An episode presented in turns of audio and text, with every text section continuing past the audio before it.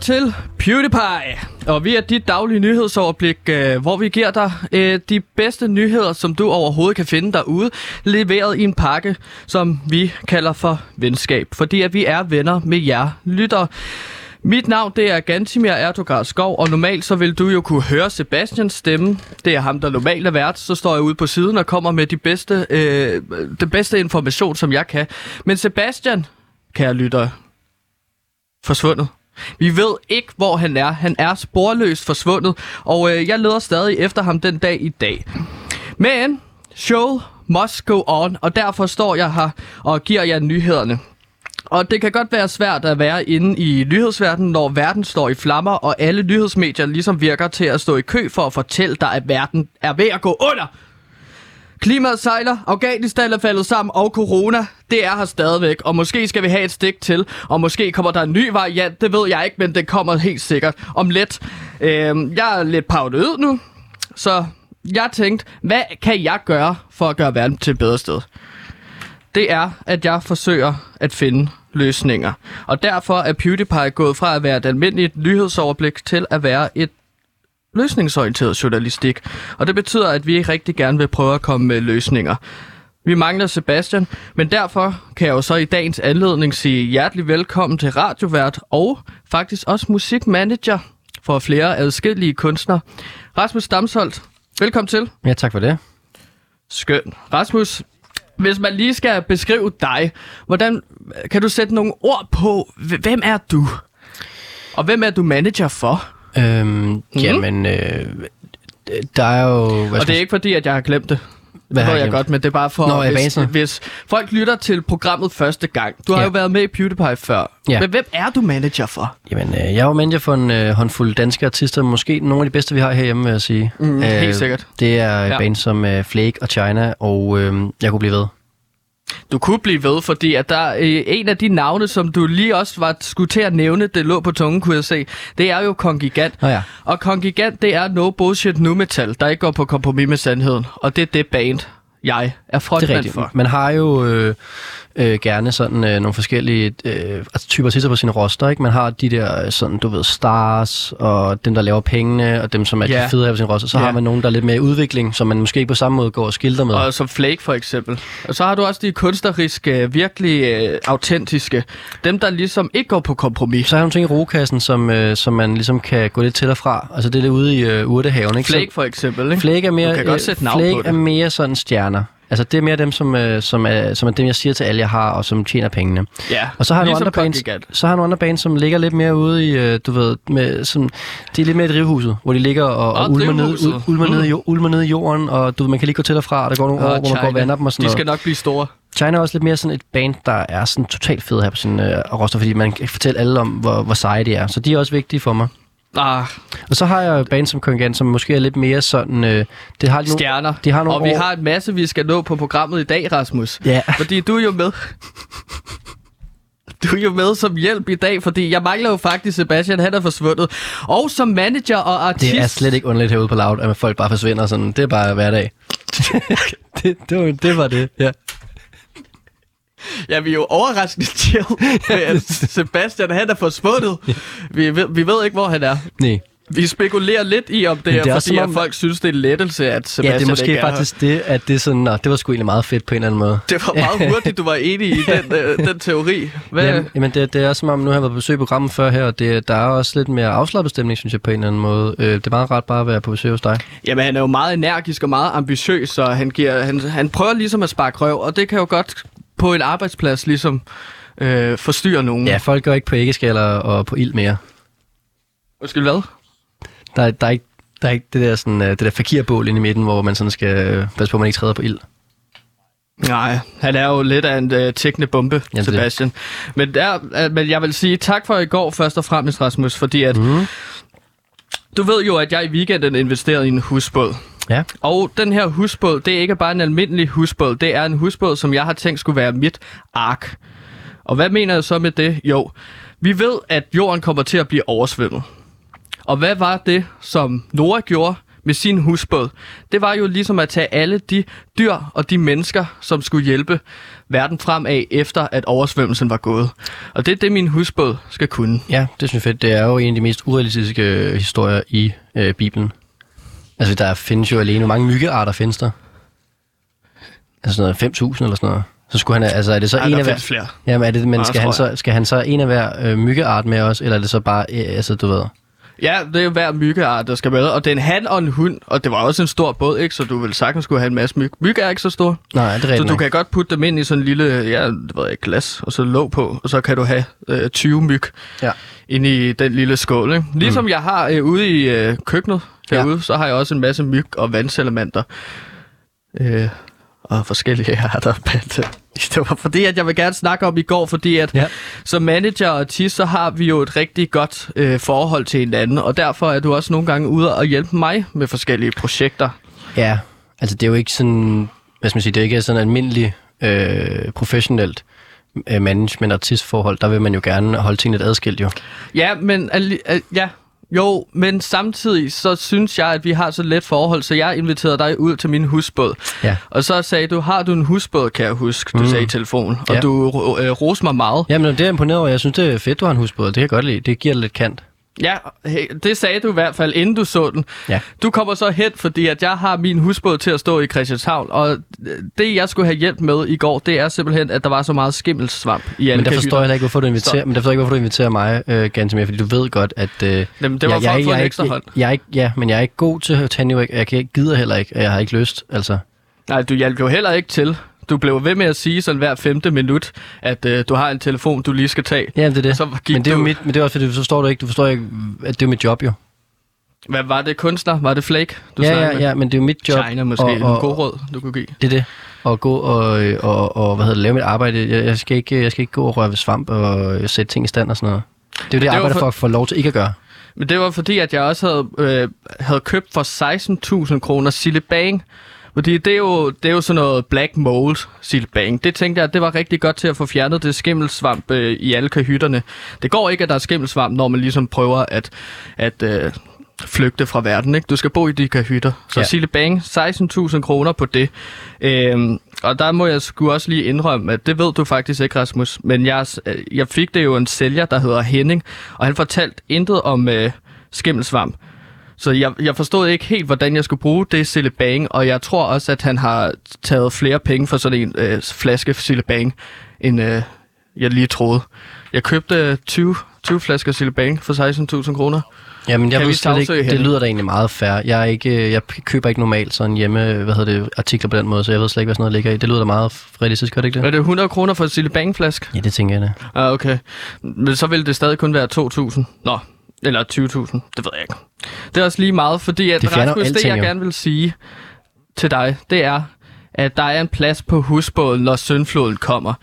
Når he- hele verden bliver oversvømmet, så føler jeg, at du har hjulpet mig så utrolig meget igennem min musikkarriere, også radio. Så du er hjertelig velkommen til den husbåd. Tak. Øhm, Skal jeg så have også have en partner med? Øh, ja, hvis vi skal altså, sikre øh, arten, som er menneskernes overlevelse, så skal du vel have en partner med. Det er meget fedt øh, faktisk tagline her på sin Tinder. Øh, altså, En øh, avlsko. Nej, ja, øh, nej, ja, sige men bare sådan der, du ved, vil, vil du med på min ark? Det er jo meget fedt sådan, altså at lave en form for udvælgelsesræs. Kan du skrive det på din Tinder? Ja, At det øh, du har en ven, som har en hus... Det er som har en ark. Om, og så, du ved, vil du, og vil du med på den? Eller sådan, øh, og så det kan jo være... Når sølvfloden kommer. Det det. Det tror jeg virker fint. Så, så er det bare vigtigt, at når hun skriver, ah, det er da sådan noget sjovt fløg, du laver, så er det bare være, nej, det er bogstaveligt, når ja, ja, ja, kommer. Ja. ja. Og så sender du et billede af mig i bare overkrop. Det kan man så- ikke, man kan ikke sende billeder på Tinder. Kan man ikke? Nej. Jeg troede, det var ideen med Tinder. Nej, det, det, vil, det vil gå helt amok. Prøv at forestille dig, hvad for nogle, folk, altså, hvad for nogle billeder folk vil sende.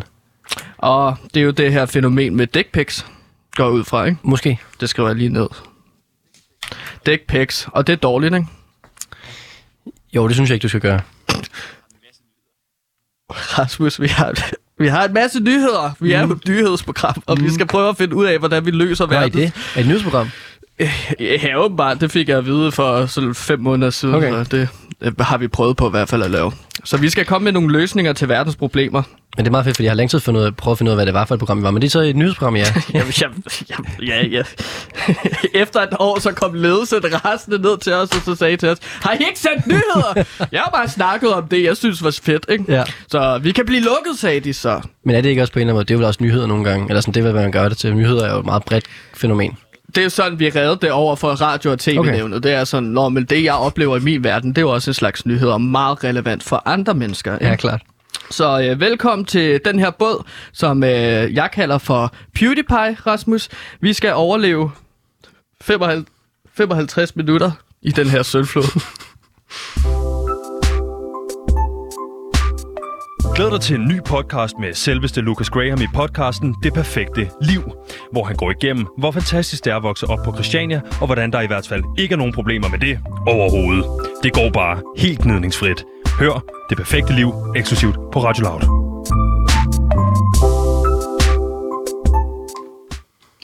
Yes, som jeg har nævnt flere gange nu i programmet, det er, at verden er ved at gå under. Og en af de måder, som verden er ved at gå under på, det er jo på grund af klimaproblemer. Der er simpelthen for meget øh, altså CO2 i luften. Og en af de måder, man ligesom kan prøve at hjælpe på det med klimaproblemerne, det er, at vi skal blive bedre til at affaldssortere. Så det er for eksempel, hvis du ikke ved, hvad affaldssortering er, så, så skal du sortere dit affald ved at lade være med at smide plastik ud med madaffald, lade være med at smide dåser ned i plast, og lade være med at smide elektrisk udstyr ud med pap. Så Rasmus, affald sorterer du? Ja, jeg sorterer mit affald i, øhm, efter farver. Efter hvad? Undskyld. Farver. I farver? Ja. Kan du lige uddybe det i gang? Det lyder da meget spændende. Fordi at man siger jo, at det er jo normalt sådan for eksempel plastik. Okay, så er der en bestemt måde at genanvende plastik. Mm. Så du laver alt lilla skrald for eksempel? Ja, præcis. Okay. Hvad? Så har jeg ligesom en, en skraldespand i hver, hver farve, som jeg så ligesom du ved, så har en lille skraldespand, og en gul skraldespand, og en grøn skraldespand. Okay. Og så, øh, så, så, det, så sorterer jeg det. Jamen, hvad, hvad kunne du så for eksempel lægge i den grønne skraldespand? Det er meget sådan øh, æbler og batterier. Forsløg. Ja. der, der, der er måske nogen, Rasmus, der vil mene, at det ikke er at affaldssortere, men mere sådan at øh, farvekoordinere sit ja. affald. Ja, Jamen, det er bare altid den måde, jeg har gjort det på. Og jeg har også, altså, det var meget fedt de sidste, altså for 10 år siden var, jeg, var, det, var det meget vildt at sidde til sådan nogle og så sige, at man sorterede sit affald. Ja. Øhm, så det har altid været meget for forkæmpe på den måde med at sortere mit affald. Hvor, hvor lang tid har du affald sorteret?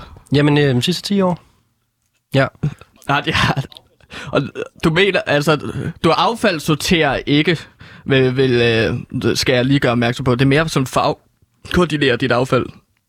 Ja, jeg synes, jeg sorterer efter farver. Altså, øhm, og, det, og hvordan kom du på den idé i starten? Jamen, det gør jeg faktisk. Det er en generel ting, jeg gør i øh, mit liv. Altså, jeg sorterer alting efter farver. Øhm, så, så det er sådan set... Øhm, det er meget nemt, altså om jeg vasker tøj, eller jeg... Nå, jamen, det, jamen det, det gør de fleste jo. Ja, ja. Det er jo sådan, at farve koordinerer. Jamen, det gør øh, Fordi at, ja, så, så farverne ikke går ind i hinanden, ikke? Ja. Men også med regninger, for eksempel. Jamen, de fleste... Hvad for nogen, der skal betales først? Jamen, de fleste får... regninger er, er samme farver, så der plejer jeg at kunne, uh, kunne sortere oh, på den måde. De, det er meget heldigt. Ja. Det er meget nemt. De er meget hvide eller sorte altid. Ja, det kan godt være, at det er en teknik, teknik, der egentlig fungerer på mange planer. Jamen, altså man kan sige, hvis man får en rykker, er de jo tit røde, ikke? Så der er jo de røde og de hvide, ikke? Og hvornår betaler du så dem først eller sidst, rykkerne? Øh, ja, man kan sige, de, øh, de bliver så betalt først, for de er røde jo, ikke? Øhm, så det er jo fint nok. Rasmus, mm-hmm. Hvis der er nogen miljøaktivister, der lytter med derude, så må I lige ringe ind og så sige, at om det er en ordentlig måde at affaldssortere på. Øh, men ellers så øh, har jeg jo været meget bekymret omkring det her, om vi affald, affaldssorterer ordentligt, fordi at der er stadig mennesker, som ikke har styr på deres affaldssorteringsregler. Og der synes jeg jo, at det er trods alt meget bedre, at du trods alt koordinere og sortere, end du slet ikke sorterer eller koordinerer, Rasmus. Mm. Øhm, så derfor har vi sendt vores reporter ud for at fange og lave et konfronterende interview med en, som ikke kan sortere sit skrald ordentligt. Giv dem en opsang, og det skete på en meget kreativ måde. Hallo, Gantemir her. Øhm, lige nu ligger jeg og øh, gemmer mig faktisk i en øh, udvalgt container i København området. Øh, planen er, at jeg ligger hernede, øh, indtil at der er nogen, der kommer og øh, smider øh, affaldssorterer forkert, hedder det. Lige nu ligger jeg blandt øh, ja, bio øh, affaldet. Det vil altså sige alt det mad, som, øh, som ikke bliver spist, det bliver så smidt ud i de grønne poser her i København, som så skal ja, genanvendelse, eller hvad man gør. Lige nu ligger jeg bare og venter på, at der er en, der kommer og smider noget forkert affald ud, sådan så jeg kan lave et komforterende interview. Og øh, mens jeg ligger her og venter, så har jeg jo lige taget en banan med, eller taget. Jeg har lige fundet den, som er i utrolig god behold, og det viser jo bare, at der er så meget, øh, sorry, så meget mad, som bare bliver smidt ud, uden at det behøves. Ja. It's a waiting game, som jeg lige nu bare ligger og, hvad det? Er noget, der pipler nede ved fodenden. Er det... Ej, den rotte. Åh, hvor ulækkert. Fuck. Åh, oh, der er to rotter. Ej. Fuck. Ej, hvor er det ulækkert. Ej, der er flere rotter. De er over det hele. De er over det hele. Au, satan, de begynder at blive. Au, de vil have fat på min banan, jeg. Skal ud herfra.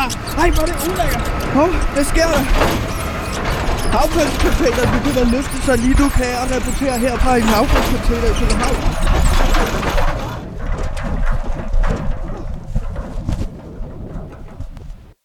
Ja, og det er jo så en øh, lille reportage, som øh, jeg fik lavet omkring affaldssortering. Og øh, jeg endte jo så ude i en øh, losseplads, og det er derfor, Rasmus, som du kan se nu, at mit tøj er ret smadret. Jeg har bananskralder til at lægge rundt omkring på hele kroppen. Øh, jeg lugter sur mælk, og det er jo klart, når, når man ligger i en øh, bio... Ja. Jamen, jeg er helt op med at spørge faktisk, øh, fordi det er jo bare... Øh, det er jo go-to, at du... Øh at du ligner noget, der er lort. Men det er jo en, også, det har ja, altid, ja.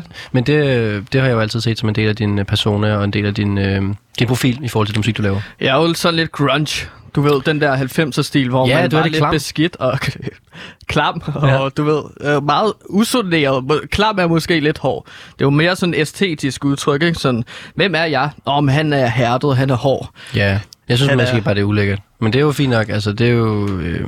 Ja, men pointe... Nu lyder du som hele ledelsen, og det har jeg faktisk ikke brug for at stå og lytte til. Øh, pointen med den her reportage var netop at vise, at... At at når vi ikke kan finde ud af at affaldssortere ordentligt, så ender jeg ude i så nogle situationer, mm. hvor jeg ender på et skraldespand og blevet bit af flere rotter. Jeg kommer jo til at ligne en kæmpe idiot. Men kunne du ikke bare sådan have gået i skjul om bag ved skraldespanden, eller i en busk eller sådan noget? Skulle du ligge nede i skraldespanden? Jamen, det var for at lave den her metode, som man kalder for hop ud af lavkage-trækket. Mm. Den, den, den omvendte stripper. ja, jeg havde ikke noget tøj på heller. Nej. Så det var noget, jeg tog på senere. Øhm, men så vil jeg have lavet et komfort, komforterende interview. Men lad det her altså være et, øh, et opsang til alle jer derude, der ikke kan finde ud af at affaldssortere. I får folk som mig, radioværter, radioværter til at ligne kæmpe idioter. Du elskede hævnen, du elskede efter brylluppet, og du har haft Birdbox på din watchlist i fire måneder. Nu kommer den. Susanne Biers anmelder roste drama Et hårdt liv, hvor vi i åbningsscenen ser Michael Persbrandt drikke en øl, hvorefter han får bank af Trine Dyrholm.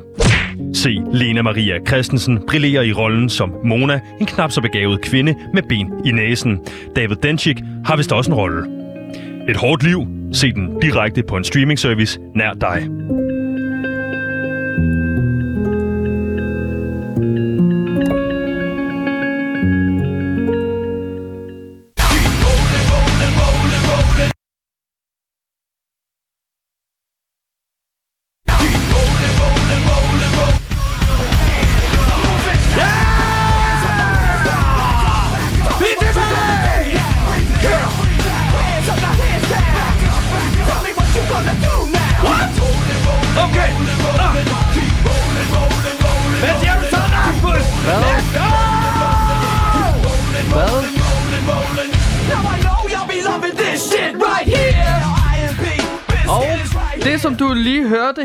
Var jo øh, bandet Limp Bizkit med sangen Keep Rolling, Rolling, Rolling, Rolling. Og øh, der kan man måske godt... Hvad, hvad er dit forhold til Limp Bizkit, Rasmus? Det er sådan neutralt. Ja, øh, det er det her gigastore øh, nu metal band øh, fra... De blev rigtig store i sen 90'erne, start 0'erne. Og hvorfor spiller vi så Limp Bizkit lige nu? Jamen det gør vi jo, fordi at de faktisk optrådte på den her festival, der hedder Lollapalooza. Og de er simpelthen blevet booket eller de er blevet øh, hypet så meget efter deres koncert den 31. juli på festivalen, at de efterfølgende to dage altså fik op mod 2 millioner streams. Det er jo som for, om, at folk har genopdaget det her bane, Rasmus. Jamen, det er dejligt for dem. Ja, og jeg, øh, jeg voksede jo meget op med Limp Bizkit, da jeg var lille, så for mig er det sådan meget nostalgisk øh, følelse. Jeg vidste slet ikke, at Limp Bizkit stadig lavede musik den dag i dag. Og Sådan det... er det jo mange øh, gamle bands, at, man havde, at de faktisk stadig laver musik, men det har man bare ikke lige fundet ud af. Nej, fordi jeg tænker da også måske, at, øh, og det kan du måske hjælpe mig med, Rasmus, sådan, fordi jeg tænker sådan i 70'erne og i 80'erne, sådan noget før, at internettet ligesom var en ting, som alle brugte, der havde du jo ikke sådan nogle store comebacks fra bands, der var 20 år gamle, havde man? Nej, men det var måske også, der bands fortsat bare, der var det mere tradition for, at bands bare eksisterede i 40 år for eksempel. Okay. Altså, altså, du starter i 60'erne, og så kører du bare videre. Altså bare se Rolling Stones og Bob Dylan og ja, Beatles står eksempel. Så det du siger, det er faktisk, at bands nu ikke eksisterer i den samme længde, som de gjorde engang? Ja, det er meget generaliserende, men altså, det var vist det, jeg kom til at sige, ja. Ja, men jeg kommer også til at tænke på sådan noget med nostalgi i musik. Øhm, øh, at musik ligesom bliver genopdaget på en eller anden måde. Hvorfor tror du, at sådan noget retro-ting og nostalgi fylder så meget i musik lige nu? Jamen, det er jo fordi, at øh, folk, der er sådan 30-40 år, er jo er... Øh, rigtig kedelige mennesker og individer, som, øh, som jo gerne deromkring får børn øh, og glemmer at have en personlig smag og et liv. Og så øh, husker man tilbage på den gang, man var fed og var ung, og man opdagede ny musik, og du ved, man fik sit første knald, og man gik til de der fede koncerter og sådan noget. Og så alt de følelser, dem mangler man nu i sit liv, fordi man sidder hjemme og øh, ikke øh, laver noget, ikke kommer ud og ser nogle venner, fordi det har man ikke tid til, fordi man har fået barn, og øh, ens liv faktisk bare er miserable. Så husker man tilbage til den tid, hvor det var nice. Så derfor så er nostalgi jo vigtigt, fordi at, øh, så, kan man, så glemmer man, hvilket usle menneske man er. Ha. Og jeg tænker også, at der er gode penge i det, som nostalgi. Det er klart. Ja, ja, ja. Yep. Det, er jo, det, er jo, det, er, det er jo det vigtigste, kan man sige. Ah, det er jo sagt af musikmanager Rasmus Damsholdt. Jeg har jo også et tese faktisk, og bygger lidt videre på det, du sagde. Og det er jo øh, verden lige nu. Altså, det er jo personligt, efter jeg hørte øh, Le Biscuit, øh, Keep Rolling her for eksempel. Verden lige nu, den brænder jo. Altså, vi er et helvede. Vi skal alle sammen dø. Øh, det kan være i morgen eller et år, men inden for to år i hvert fald, skal vi alle dø. Og der må jeg indrømme, at den her nostalgi-følelse, det gør mig mere tryg i den kaotiske verden, vi er i. Jamen, det er jeg glad for at høre. Jeg længes tilbage til en tid, hvor altså, verden virkede mere overskuelig. Øh, for eksempel øh, George Bush, da han var præsident. Ja. Der var verden meget mere sådan overskuelig. På hvilken rolig. måde, tænker du? Jamen for eksempel i forhold til Donald Trump og alt det her, folk hader hinanden for det, de stemmer på, der virker det alligevel som George Bush i starten af 0'erne. Du synes, han har styr på det? Ja, han havde i hvert fald mere styr på det. Øh, jeg var jo ikke, jeg var jo omkring de 8 år, da ja. han ligesom blev præsident. Der du... føler jeg, at vi godt kunne få et comeback af George Bush. Der følte du dig meget tryg. Du synes ikke, at der var en masse terror, en masse krig rundt omkring i verden. Og uh, min pointe er også bare, at jeg overlevede jo George Bush. Mm. Jeg ved ikke, om jeg overlever Joe Biden, eller noget som helst andet. Øh, så der er jo en ting med, at vi gerne vil kigge tilbage. For eksempel, altså Taliban er også stærkt tilbage nu, ikke? Det var en ting i nullerne. Det har vi nu i 20'erne, ikke? Jo, så har man måske altså, været ikke, lidt... Så, skal, øh, så måske mere Al-Qaida, hvis du skulle være sådan lidt retro-terror. Er det dit, øh, er det dit, øh, øh, hvad hedder det, dit, dit øh, yndlingsterroristgruppe? Nej, øh, ser du helst dem komme tilbage? Foretrækker du Al-Qaida? Det er jo to meget forskellige øh, grupperinger, kan man sige, Al-Qaida og Taliban. Men ja, det du, godt... du forudser, at Al-Qaida får et stærkt comeback, kan jeg høre her. Rasmus Stamhold, manager for Kongigant og andre bands. Øhm.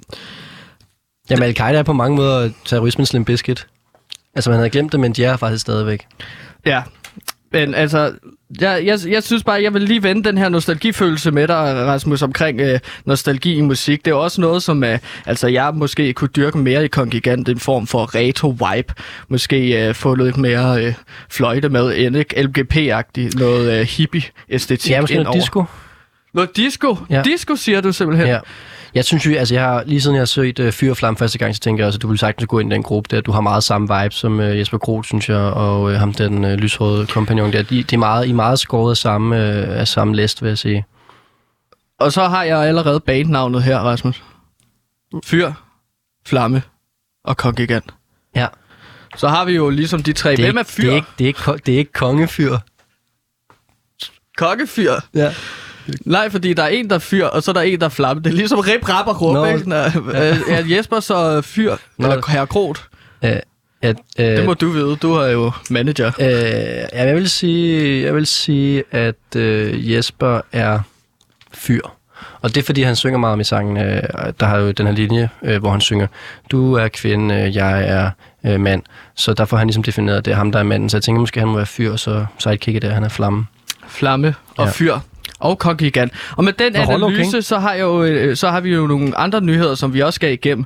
Men øh, jeg synes bare, at det var fascinerende med øh, Lembeske, da de er tilbage. De har jo en øh, linje i sangen, der hedder Keep Rolling, og jeg synes, at det vil være meget fed mantra at have i den her kaotiske verden. Øh, keep Rolling.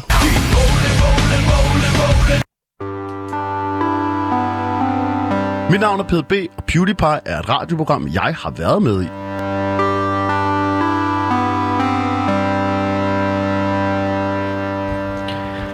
Åh, oh, der sker så meget. Der sker så meget, og øh, det, der også sker meget for, det er jo ham her, Kanye Alting West. sker så meget hele tiden, for at citere Esben her.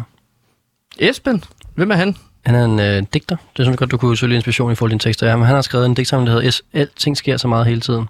Alting sker så meget hele tiden. Det er mange ord, synes jeg, at putte på i en linje. Men øh, Meget smukt, synes jeg. øh, lige undersøge. Men øh, altså, han er digter, og en anden digter, man kan jo kalde, eller man kunne kalde for en digter, det er jo ham her, Kanye West, der er en af popmusikkens største mastodonter. Og jeg kan jo ikke lade være med at blive lidt inspireret af den her herre West fra. USA. Fordi at i en verden, som er ved at gå under, så tør han stadigvæk at tænke stort. Han tør stadig at tænke ambitiøs, Rasmus. Øhm, ja, hvad er dit forhold til Kanye West? Jamen, Jeg elsker Kanye West, fordi han er den mest øh, øh, øh, geniale, sindssyge karakter, der er lige nu på musikscenen, og det er jeg jo vild med. Altså det her med at øh, simpelthen opbygge et image omkring at være sindssyg. Og det synes jeg er meget fascinerende, og det, øh, der går han et sted hen, som ingen andre har været før, og øh, laver styrtende penge på det. Og øh, han er jo tydeligvis en idiot over for alle omkring sig, men jeg synes godt lide det der med, at han ligesom, det er hans ting. Det er hans ting, og er det noget, som vi måske skulle arbejde på at gøre mig til et dumt svin, så vi kunne tjene nogle penge på det? Ja, altså forskellen er, om, om, du er jo, om du er jo et dumt svin, men spørgsmålet er, om du kan få et image ud af det også, ikke? Ja, hvad, hvis jeg nu bare gør det på sådan mere... Øh, hvis jeg nu gør det over de sociale medier. Ja, det er, yes, det er, det, det er præcis blive øh, hvad hedder det, dumt svin på kommersielt niveau. Hmm, så, det, så kunne jeg for eksempel gå ud og tweete, øh, jeg er lige trådt på en vandsalamander, fuck dem, rødammerfældet. Det vil få mange det folk. er meget nichet dumt svin, vil jeg sige. Altså trods alt, det er et meget lille felt af folk, der lige sådan... Men hvad kunne man så tweete om, hvis jeg skal være et rigtig stort svin? Øh, måske, øh, nu snakker vi om nostalgi før, øh, du kan jo, øh, hvad med sådan noget med, øh, jeg vil gerne dødstraf tilbage.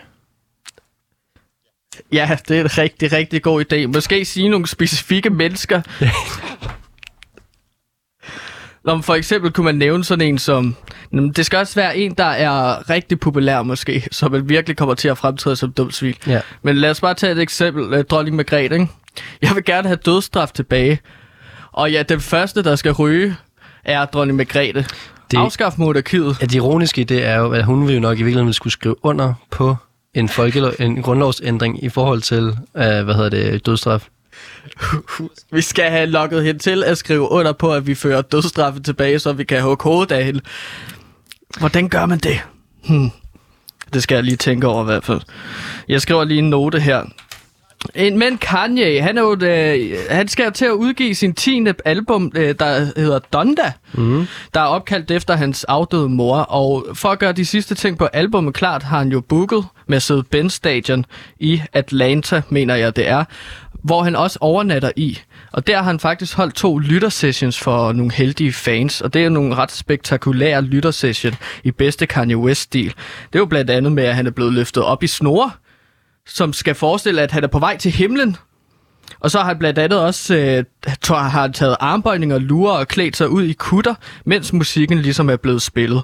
Og Rasmus, har du nogensinde hørt om noget så ambitiøst som at lave en, et arena-show for en øh, plade, som ikke, er, ikke, ikke, engang er færdig? Ja, det har jeg. Men, men jeg har ikke hørt om noget, hvor han simpelthen får effektiviseret øh, en, op, altså en samling af demoer så godt, som, som han gør. Det er jo fascinerende, hvor meget han får ud af, af, af meget lidt. Ikke? Altså, han har en ufattig plade, og han får øh, folk i tusindvis til at komme ind og, og høre nogle, nogle, nogle ufattige sange, som han så går rundt og messer til. Altså, det er fantastisk forretningsstrategi, det vil jeg sige. Altså, det er jo øh, det er legendarisk på en eller anden måde. Og så kan man sige, at man har været der. Og hvis nu de her nogle af de numre rent faktisk kommer på den færdige plade, som vi jo ikke ved, hvornår kommer, den kan jo komme til næste år, den kan komme i morgen, øh, kender jeg Kanye ret, så, mm. øh, så du ved, så, øh, så har man ligesom været der på stadion til den rappelende fest der, hvor han så, og så kan man sige, at jeg var der, da han spillede den første udgave af det her nummer her, og du ved, kommer måske aldrig til at høre et andet nummer igen, som, som så var der til det der lyttersession. Vil det ikke være vildt, hvis han aldrig nogensinde udgav det, men bare blev ved med at lave lyttersessions jo, det har, jeg også, det har jeg også tænkt i den bane, og det har jeg godt lide ideen.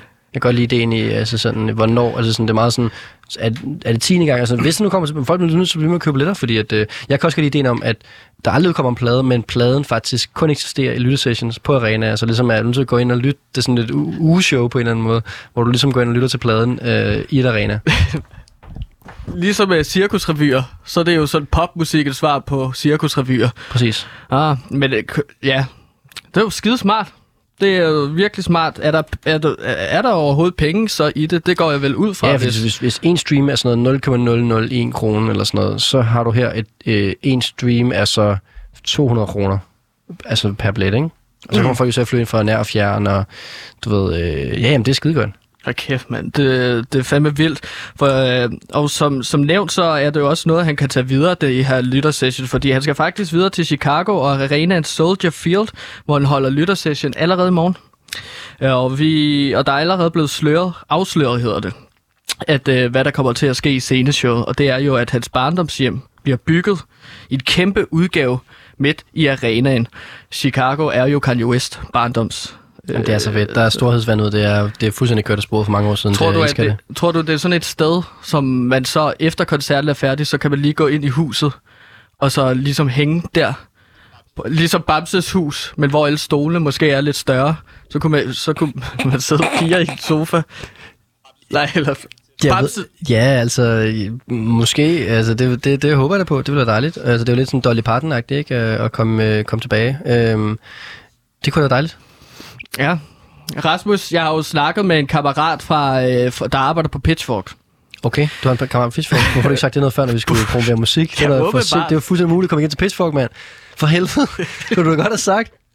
Du har sendt mails til uh, infosnabel af Pitchfork i flere år nu.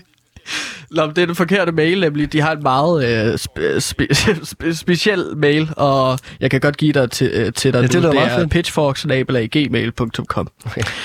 Og det er den, man skal bruge, hvis man skal komme i kontakt med den. Men det er jo øh, en kilde, som jeg har på Pitchfork i det her store musikmagasin, som er jo meget gammel efterhånden 20 år, mener over muligvis.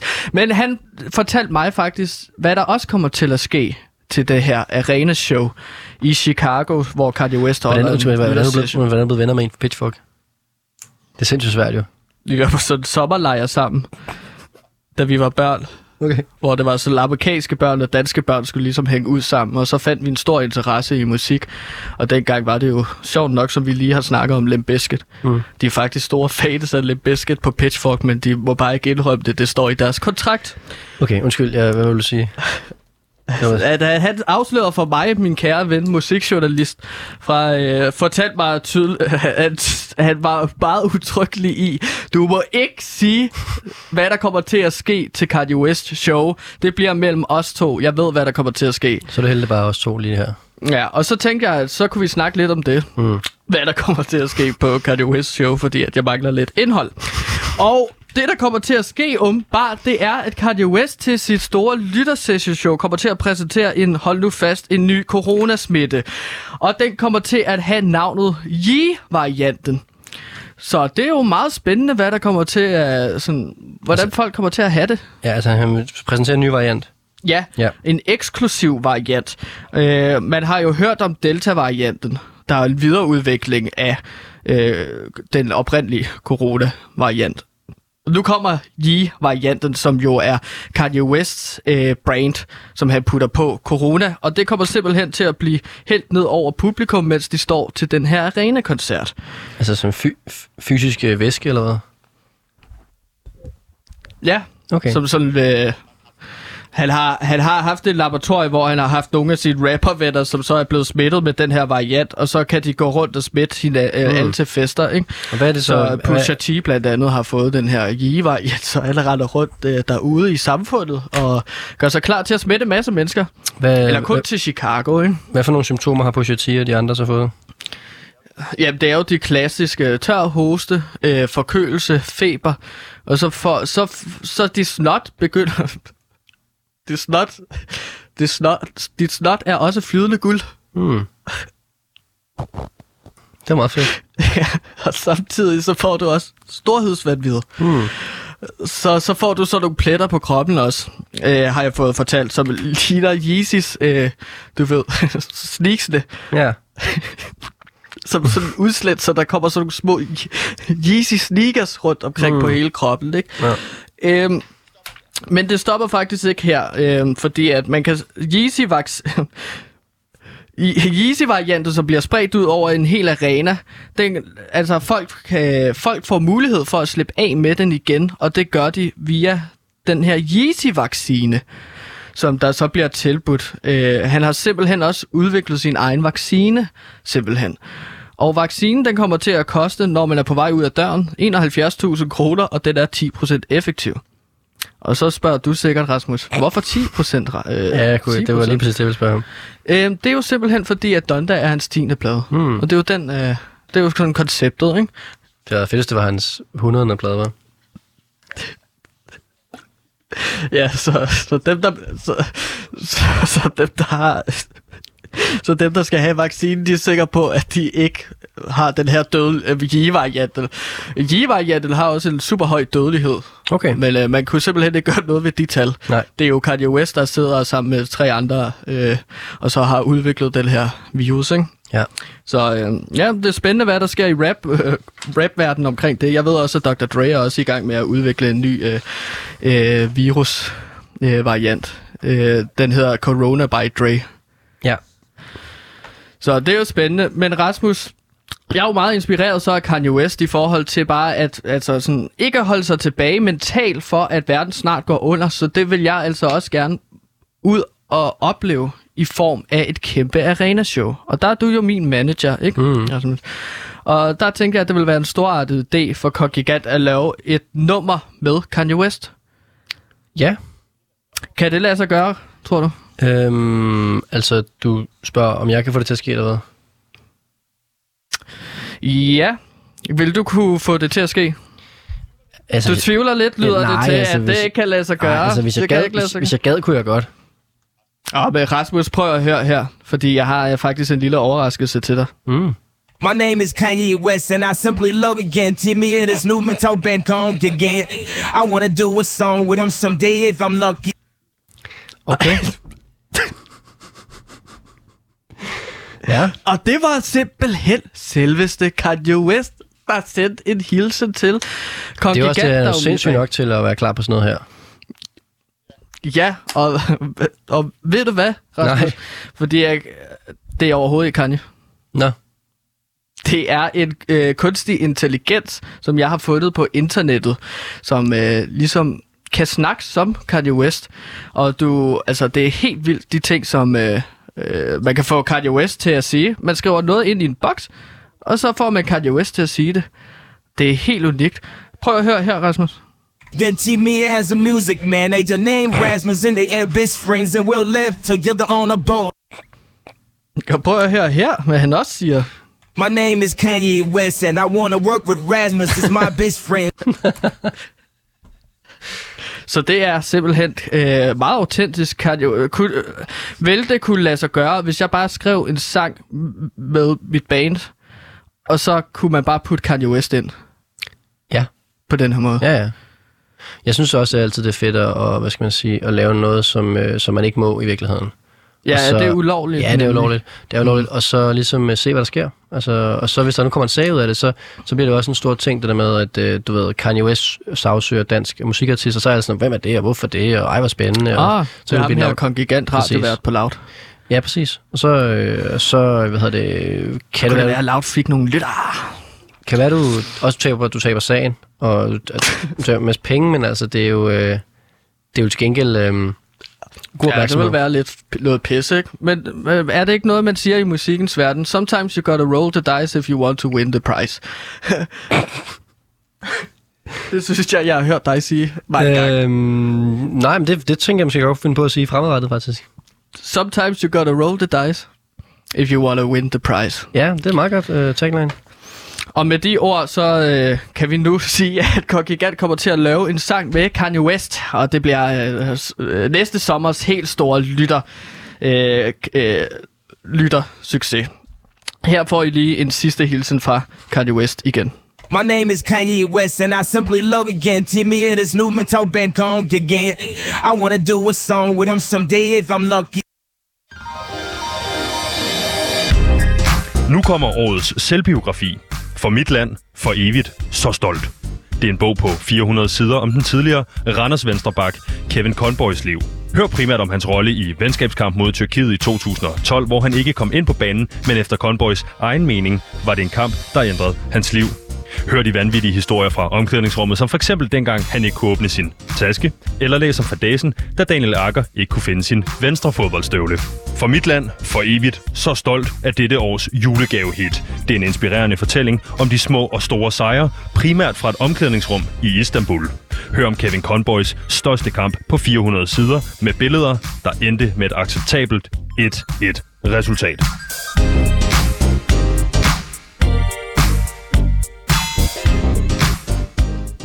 Ja, og øh, showet øh, kører videre her på PewDiePie, og du lytter til, som jeg lige har sagt, PewDiePie. Og øh, jeg står her som Gantimir sammen med min øh, musikmanager, men også radiovært herude på Loud, øh, Rasmus Damshold. Ja. Og øh, vi kører jo et mantra i dag, som øh, ligesom øh, låner fra øh, Limp Bizkit. Og det er, altså lige nu er jeg jo meget øh, deprimeret over verdens, øh, hvordan den hænger sammen. Men hver gang jeg ser noget, så tænker jeg, keep rolling. Og det er simpelthen mantraet fremadrettet for mig. For eksempel, når man hører, og der er oversvømmelse i Tyskland, hvad fanden skal det gøre? De skal bare... Så det er jo lige øh, øh, gode ord fra Fred Durst, den her legendariske digter, vil jeg jo kalde ham for. Nå, men øh, der er igen pillerier på Christiansborg, og der... Og det er ikke på, ja, du ved, øh, Christian Hegård metoden eller de andre politikere. Der sker en masse pillerier der. Nej, det er lidt et, noget andet pilleri, der er i gang, fordi at Claus Hjort Frederiksen, der er politiker fra Venstre, har rodet sig ud i en særdeles pinlig episode i, øh, øh, i det her udenrigsnævn. Udenrigspolitiske nævn. Fordi at den tidligere forsvarsminister, han har så deltaget i begyndelsen af sidste uge i sådan et virtuelt møde i nævnet, øh, som gik ud på, at man drøftede tophemmeligheder. Øh, øh, omkring, øh, det kunne være Afghanistan for eksempel. Ikke? Det, det er jo sådan utrolig, øh, utrolig vigtigt møde, åbenbart, hvor for de forskellige øh, udenrigspolitikere snakker sammen og uddeler hemmeligheder. Åbenbart. Og der, øh, der viste det sig, at Claus Hjort Frederiksen faktisk ikke var alene øh, på forbindelsen. Øh, fra sin side af på sin videofeed. Øh, Claus Hjort Frederiksen fik nemlig massage af en person med et par velvoksne, og der synes jeg, der skulle stå flotte hænder, øh, men det vender vi tilbage til, som intet havde med udenrigspolitisk nævn at gøre, men ikke desto mindre tog det frem på venstremands skærmbillede. Okay, så der dukker to mennesker på et skærmbillede. Og det var simpelthen fordi, at Claus Hjort Frederiksen lå og fik massage midt under et fortroligt møde om situationen i Afghanistan. Det synes jeg ikke er super god mening. Altså, det, det kender jeg godt. Det der. Altså, jeg forstår ikke helt, hvad... Øh, er, der, er der problem i det? Altså, jeg synes virkelig, det, er, det så giver så god mening at få ordnet flere ting på en gang. Jamen, øh, forskel er, argumentet er jo, at det er utrolig øh, øh, fortrolige oplysninger, ah. som ligesom er blevet delt på det her videomøde. Blandt andet om situationen i Afghanistan. Kan han ikke bare have haft noget i ørerne, altså sådan, du ved, ind i os? Ind i os? Eller sådan, du ved, førstefoner på? Jo, det kunne han måske godt. Men øh, det havde han ikke. Han er jo en uh, grand old man, så han kan nok ikke så meget om det der teknologi. Men øh, folk har været så let, hvorfor fanden får han massage lige nu? Det var jo Martin Lidegaard, der for eksempel sagde sådan, hov, det er altså strengt for, øh, forbudt, at du har en ekstra mand, og du får massage. Hvad så personen ikke kunne snakke dansk, altså med søren? Nej, fordi her kommer jeg lige ind, Hosman. Ja. Uh, jeg kan så sige, at øh, personen kunne godt snakke dansk. Øh, Ekstrabladet det, det ringede til mig. Okay. Nu, jeg kan break det nu. Ekstrabladet ringede til mig, og det var fordi, at det var faktisk, Rasmus, mig, der gav massage til Claus Short. Øhm, jeg har haft brug for nogle ekstra penge, så det er blandt andet til den her husbåd, der koster en halv million kroner. Øh, der har jeg ligesom skulle tage et ekstra job. Jeg har sagt til dig mange gange, at det er jo, det er jo, det, det er jo dødssynden for, øh, hvis man er i et band, eller man er artist, der og sidejobs, fordi det tager simpelthen fra fokus fra det rigtige arbejde, som er at skrive musik og fordybe sig. Og når du står og giver massage og arbejder med husbåd og sådan noget, så har du slet ikke tid til at fokus til at skrive musik. Og så når du så endelig har fri, så ligger du helt svampebefængt og øh, med svulmet hænder, fordi du har arbejdet og kan ikke spille guitar eller skrive musik, og det er... Øh, det er noget lort for... Øh... Nej, men de her svulmende hænder, det er jo kun fordi, at rotterne bød mig, ikke? Øh, så det har ligesom blæst op. Og det, det, det går væk om en uge, er jeg sikker på. Men Rasmus, så kunne jeg også vende den om til dig og så sige, er det ikke netop dit job som manager at sørge for, at jeg kan tjene penge på min musik? Det gør jeg, det også. Jeg... Gør jeg det? Det gør det. Du får da, du får da de der, øh, du får den overførsel hver måned.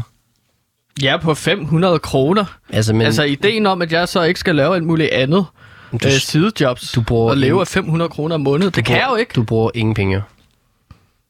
Nej, det ved jeg. men øh, der er jo stadig en lejlighed, som skal betales, ikke? som jeg bor i. Og nu har jeg købt en husbåd, det kan jeg jo ikke betale øh, lånet af på med 500 kroner om måneden. Det er bare som om, det er sådan dine personlige problemer, som du giver over på min, på min halvdel som manager. Det er bare slet ikke det, jeg er blevet Ja, mine professionelle problemer. Ej, du, du, du, nogle private problemer, du har. Du ligger og råder rundt ude i en container og, øh, og går og masserer folk og sådan noget. Det, det har sgu ikke noget med at gøre. Nå, men men det, at jeg masserer kendte mennesker, det er ikke kun Claus Hjort Frederiksen, kan jeg så lige sige. Det er et sidegeschæft, som jeg har, hvor jeg kan tjene penge, så jeg kan holde mig i gang. Altså, det er jo kun Claus Hjort. Altså, det går faktisk udmærket, Rasmus. Så hvis du har lyst til at være manager for mit øh, mas- massagefirma, så synes jeg bare, at du skal hoppe til, Nej, fordi at det går øh, øh, wunderbar tror jeg, man vil sige. Ikke? Jeg har brugt min position herude på Loud, at hver gang der kommer en kendt ind, så stikker jeg dem et visitkort, og så siger jeg, hey, jeg kan massere dig, til du er øh, godt, har det okay igen. Ikke? Har Claus Hjort været herude mange gange? Jamen, han, øh, ja, nogle gange så låner han toilettet herude. Okay. Og så var han med i Game Boys. det her videospil øh, podcast, som kører efter PewDiePie. Hvad spiller, hvad spiller Claus Hjort så i Game Boys? Jamen, han spiller jo World of Warcraft. Okay, ja. World of Warcraft, og så spiller han også Mario. Okay. Det er hans to ting. Ja. Super Mario Odyssey var okay. han inde og snakke om. og det er jo, øh, jamen, det er jo efterhånden lidt, lidt gammelt, ikke? Men han er jo stor Mario-fan. Øh, så... Det er også noget andet, man kan også kan lave, mens man er på, øh, du ved, møde omkring øh, sikkerheden i Danmark. Der kan man også godt lige spille Mario imens. Ja, det, det ved jeg faktisk, at han gør. At øh, da jeg masserede ham til det her udenrigspolitiske møde, og nævn er det jo, øh, der sad han og spillede Mario.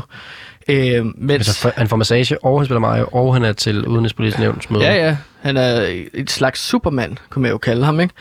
At øh, han, han skulle være så afslappet som overhovedet muligt, når han skulle ind og diskutere om situationen i Afghanistan. Fordi ja. som han sagde, det er godt nok tunge sager. Og der, der snakkede han om, øh, så begyndte han også lidt at snakke, han slukkede lyden på et tidspunkt til, til mødet, og så begyndte han at snakke om den her kasse, som Mario skulle løfte og bruge til at nå en afsats for at nå en stjerne. Og det var derfor, han faktisk øh, nævnte, at det var tunge sager. Ja. Fordi det var en stor kasse der. Øh, ja. Men det er også vildt, at han brugte så meget tid på, i stedet for at jagte stjerner, som spillet handler om, så kunne han, man kan kaste sådan en Mario-hat, så man kan blive til noget andet. Så blev han til sådan en stor T-Rex. Det kunne han godt lide. Det ja. Glukkede han lidt over. Men det her møde om Afghanistan, ikke? Nå, men grund til, at jeg blevet så succesfuld på den her øh, massageklinik, det er jo fordi, at jeg lover 100% diskretion. Jeg siger ikke noget til nogen, og derfor har jeg heller ikke sagt om, hvad der bliver sagt øh, til det her udenrigspolitiske nævn, øh, fordi jeg går meget op i, at jeg ikke afslører noget som helst. Men jeg kan så sige, at for eksempel en anden, som jeg har øh, lavet massage for, det er jo Kasper Julemand. Mm. Han, da han, øh, udtag, han skulle udtage den seneste landsholdstrup, der øh, gik jeg rundt øh, på ryggen af ham. Altså, du gik rundt på ryggen, ja. Altså jeg stod på ham, Nå, på den måde. og så ja, gik han rundt på ned, ryggen. Og, ja, okay. Ja, lige præcis. Og så gav jeg ham en, øh, mit besøg med. okay. Og der foreslog jeg for eksempel øh, øh, Bo, Bo Larsen. Han kom jo så ikke med. Nej, det sagde jeg så. Ham gider vi ikke at have med. Og så, jeg vil hellere have Kasper Smeichel med. Ham skal vi sørge for med. Han Jamen, det sagde du. Det var godt bud. Ja, Kasper Julemand var ellers øh, i tvivl. Okay. Øh, da jeg trådte på ryggen af ham, så jeg sådan, "Ah, jeg ved ikke om øh, ham, ah, Kasper, Ju, øh, Kasper Smeichel, han skal med. Jeg tror, han er faldet af på den. Ah. Og så sagde jeg så, nej, han kæmper. Så du ikke EM, Kasper? Sagde jeg til ham. Og så sagde han, jo, jeg stod og var træner for det. og, så, og så sagde jeg, Kasper, Ju- øh, Kasper Smeichel spiller jo skide godt. Tag ham. Hmm. Og så var Kasper Julemand. Hvad tror du, han sagde? Øh, fint nok. You goddamn right. Og det er jo sådan nogle ting, jeg kommer ud for, når jeg masserer kendte, kendte mennesker. Jeg har også masseret Christian Thulesen Dahl, og øh, har ikke øh, snakket øh, live i radioen om, at han for eksempel vil vælte Morten Messerschmidt, fordi han er blevet for farlig. Øh, det vil jeg aldrig sige på grund af diskussion. Ikke? Det er derfor, at Christian Thulesen Dahl stak Morten Messerschmidt. Og så har jeg også været massør for Brian Mørk. Øh, og John Travolta har jeg også været massør for.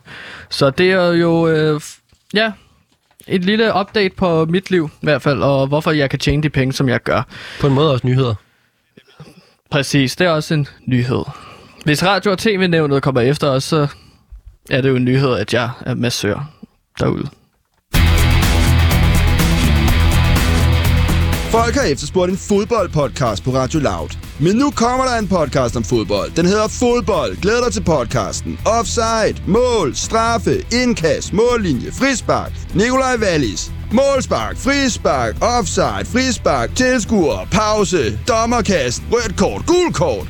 Mbappé, Frankrig, Danmark, Ebbesand, Holland, Paninka, jubelscener, Borussia Dortmund, Borussia Mönchengladbach, Bayern München, Hoffenheim, Bayer Leverkusen, Wolfsburg, La Liga, Morten Bro, Thomas Graversen, Skallet, gule trøjer, røde trøjer, strivet trøjer, Rampen med låget, indover, udover, romerlys, jubelråb, ole, ole, ole, ole, fodbold, hudli hud, og vi kunne blive ved. Det bliver med Pauline Kloster som vært. Glæder dig til fodbold går i luften. Eksklusivt på Radio Loud. Fodbold! Verden er ved at være over, og det er programmet PewDiePie egentlig også, men derfor skal man stadig huske mantraet, som øh, Fred Durst er kommet med. Og Rasmus, øh, hvad skal du efter programmet her slutter? Det kunne jeg godt tænke mig at høre. Jamen, jeg skal jo spille lidt, øh, lidt fodtennis. Fodtennis, Ja. okay. Det skulle Hvad- godt være her om lidt. Hvad skal du spille det med nogle fede mennesker? Ja, det er mig og Flæk, vi skal ud og spille fodtennis. I skal ud og spille fodtennis, Mhm. okay, så, så er I jo tre. Kunne det tænkes, at uh, man måske laver en eller anden form for Rasmus Damshold manager kollektiv ting, hvor jeg så er med? Men kan du jo spille fodtennis? Øhm, jeg kan lære det. Jamen, Jeg, det, jeg tænker, Jamen, det er bare... Det, det, jeg tror, at når de rottebidder, de er helet på mine fødder om lidt. jamen, jeg skal... Det, Det er allerede det, blevet bedre. nej. Jeg tror bare, det er noget betændelse, der skal... Det synes du skal gå hjem og øve dig øh, på at spille fodbold eller fodtennis med dig selv, og så kan du komme med en dag, når du, er, når du har fået nogle ordentlige fødder på. Okay, men jeg er ellers ret god til at spille tennis. Jeg spiller meget tennis med min far. Så sagde han, løb! Og så skød han øh, en catcher. Jeg kan sige, at jeg skal også ud og spille øh, tennis faktisk senere i dag med en kendt musiker. Okay, hvem er det? Bordtennis med Jorden. Okay, det lyder øh, ubehageligt. Det er fordi, at han gerne vil male min pik. Han er jo maler, og så har han ligesom de her malerier, hvor han maler øh, billeder af pik. Hvad er det med bordtennis, skal Det er sådan en, så, så laver vi to ting. Ikke? Jeg vil gerne spille bordtennis, han vil gerne male min pik. Og så får vi begge to noget ud af det. Og med de ord, så er vi altså simpelthen færdige med PewDiePie, øh, hvor vi så sender tilbage til nyhederne. Øh, så forhåbentlig bliver konstruktiv. Måske gør det ikke, måske gør det. Ciao, ciao. Det er alt fra PewDiePie.